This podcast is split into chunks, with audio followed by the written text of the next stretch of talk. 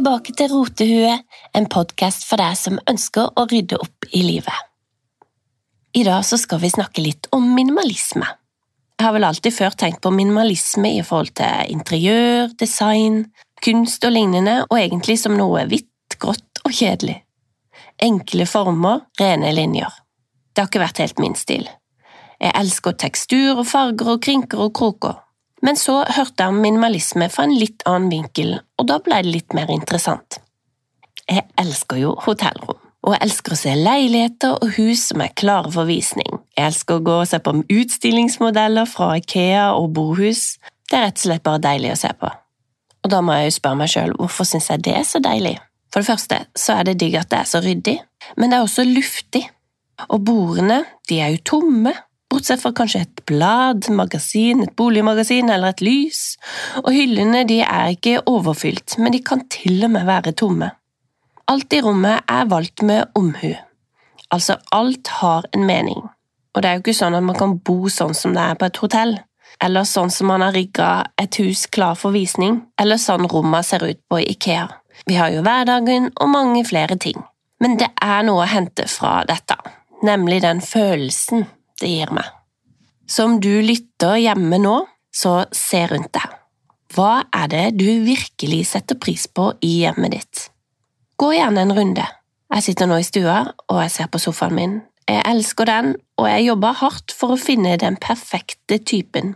Jeg elsker lyktene mine, og jeg elsker spisestuestolene mine. De er deilige å sitte i, og jeg har ikke for mange av de. Det er ikke dyre ting, men jeg setter veldig pris på å ha de. For et par år siden så tok jeg et litt utradisjonelt valg.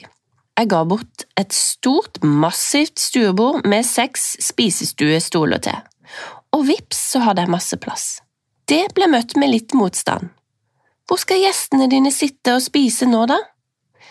Eh, hvilke gjester? Jeg har kanskje hatt fem store middagsselskaper siden 2015. Jeg har hatt gjester, men det er ofte musikkfester der alle tar med et instrument, og så spiller vi og da sitter folk der det er plass. Det er jo sofa, det er stoler vi kan dra bort, og gulvet det funker jo kjempefint. Men den tomme plassen som ble skapt av å ikke ha det store, massive bordet, det er magisk. Det samme gjorde vi hos kjæresten min. Han hadde også et sånn typisk stort eh, spisestuebord i stua med seks stoler til, og han hadde i tillegg det samme på kjøkkenet. Hvorfor? Min kjære er ikke kjent for å ha veldig masse store fester og middagsselskaper.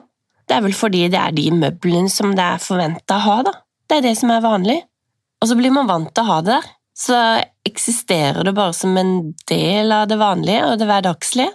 Vi tar ikke noen bevisste valg omkring det. Sånn har det iallfall vært for meg.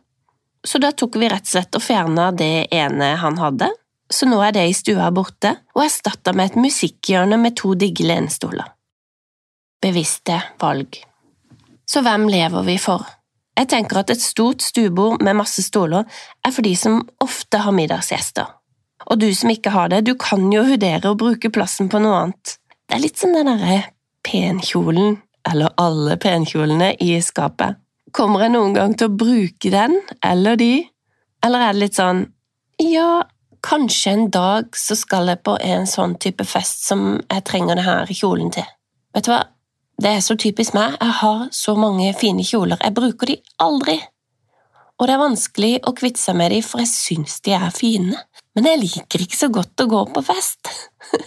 så hvorfor? Jeg liker ikke engang å pynte meg til 17. mai, så hvorfor skal jeg ha så mange pyntekjoler? Det er en prosess, og det blir nesten litt komisk. Så ja, litt mye om spisebord, men poenget er å ha de tingene som du faktisk liker og, ikke minst, bruker. Så tilbake til begrepet minimalisme, der det blir brukt mer om livsstil, ikke bare design. Og det er jo det rotehuet handler om, å rydde opp i livet eller det å finne en mening med alt. Det motsatte av eh, minimalisme, det ville iallfall vært meg for noen år siden. Jeg har fylt på med så mye ting at det flyter over. Men det handler jo om mer enn bare ting. Det kan jo være aktiviteter eller relasjoner, tanker og all mulig overflod. Jeg føler at mange av oss vi mangler den tomheten vi trenger for å puste. Jeg er iallfall maksimalist når det gjelder aktiviteter og tanker fremdeles. Jeg fyller på, og jeg har egentlig aldri ro. Og der, eh, der har jeg en jobb å gjøre. Og når det gjelder ting, så har jeg tatt det første steget. Jeg har, jeg har skjønt noe, jeg har gått igjennom en tankeprosess. Og luft, det er deilig. Space, uh, tomrom, har plass, har plass rundt meg til å leve.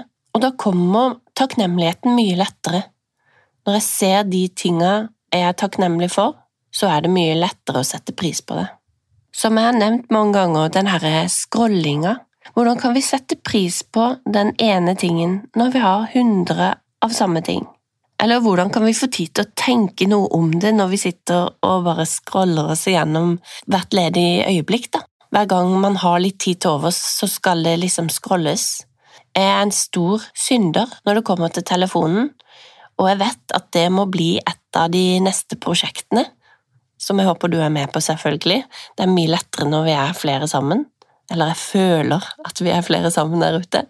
For det handler om å bli bevisst. Du er kanskje litt sånn som meg at du ikke klarer å være en minimalist, sånn typisk minimalist, men klarer å bli mer bevisst for å ta ett steg ut av tåka. Og slik jeg forstår Kirkegård, så sier han det å akseptere fortvilelse er et steg ut av den. Så når man aksepterer hvordan noe er, så er du egentlig på vei ut. Og det er der jeg føler jeg er nå. Så hvordan trodde jeg en minimalist så ut, eller hadde det? Jo, en person som har tomme vegger, uten farger, uten preg, kjedelig basic klær, og som oftest er de irriterende tynne. Det er iallfall sånn jeg ser de fleste på YouTube, og don't get me wrong, det er ikke noe galt med det, men da blir jeg litt sånn oppgitt og tenker ah, det er ikke meg. Men når jeg nå har lest litt om minimalisme, så er det ikke nødvendigvis slik. Så for å gjenta meg sjøl, det handler jo om intensjonalitet og bevissthet. Ta deg tid til å tenke hva du setter pris på, og så fjerne det overflødige.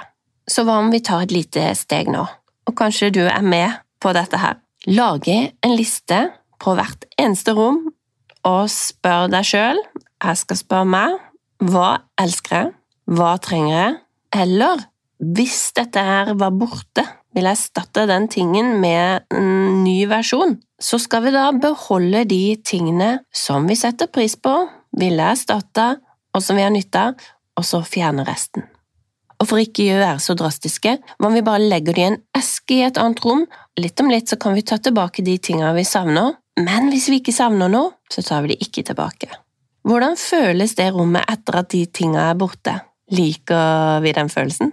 Og hvis ikke vi liker den tomheten, så er det jo bare å putte tingene tilbake.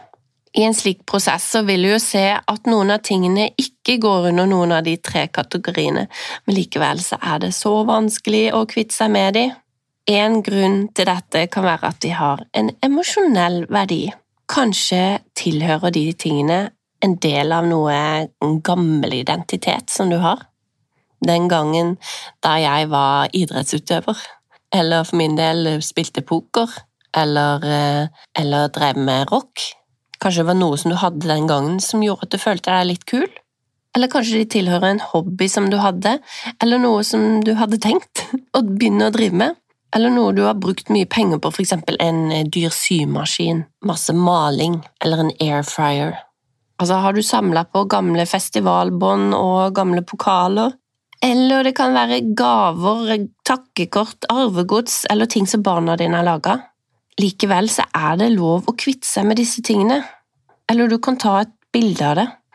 Og vi kan jo si til oss sjøl at de minnene, de ligger i hodet fremdeles. Det er jo en del av oss, og tankene våre, de kan vi jo hente frem når vi vil. Og hvis vi er så redd for å glemme noe, så burde vi i det minste ha det på utstilling eller fremme, da, ikke liggende i en haug eller en boks. Jeg syns dette med ting er overkommelig, men minimalisme i forhold til tanker om mat og aktiviteter, det, det syns jeg er vanskelig. Altså til og med sånn digitalt eh, rot, det, det, er jeg dårlig på å rydde opp i. Så jeg har vært flink på, vært flink på aktiviteter, jeg har vært flink på relasjoner og, å begynne med det med ting. Men altså det med telefonavhengighet, eh, det med mat, Spise spiser det som er digg i perioder, og så er jeg flink i andre perioder. Og det å ha for mye på agendaen til å uh, få tid til å puste, meditere, eller bare ta seg en tur ut uten å høre på podkast, der er jeg rett og slett dårlig. Og du som lytter, og meg som har denne podkasten, vi har nå tatt første steget til å bli mer bevisste, iallfall.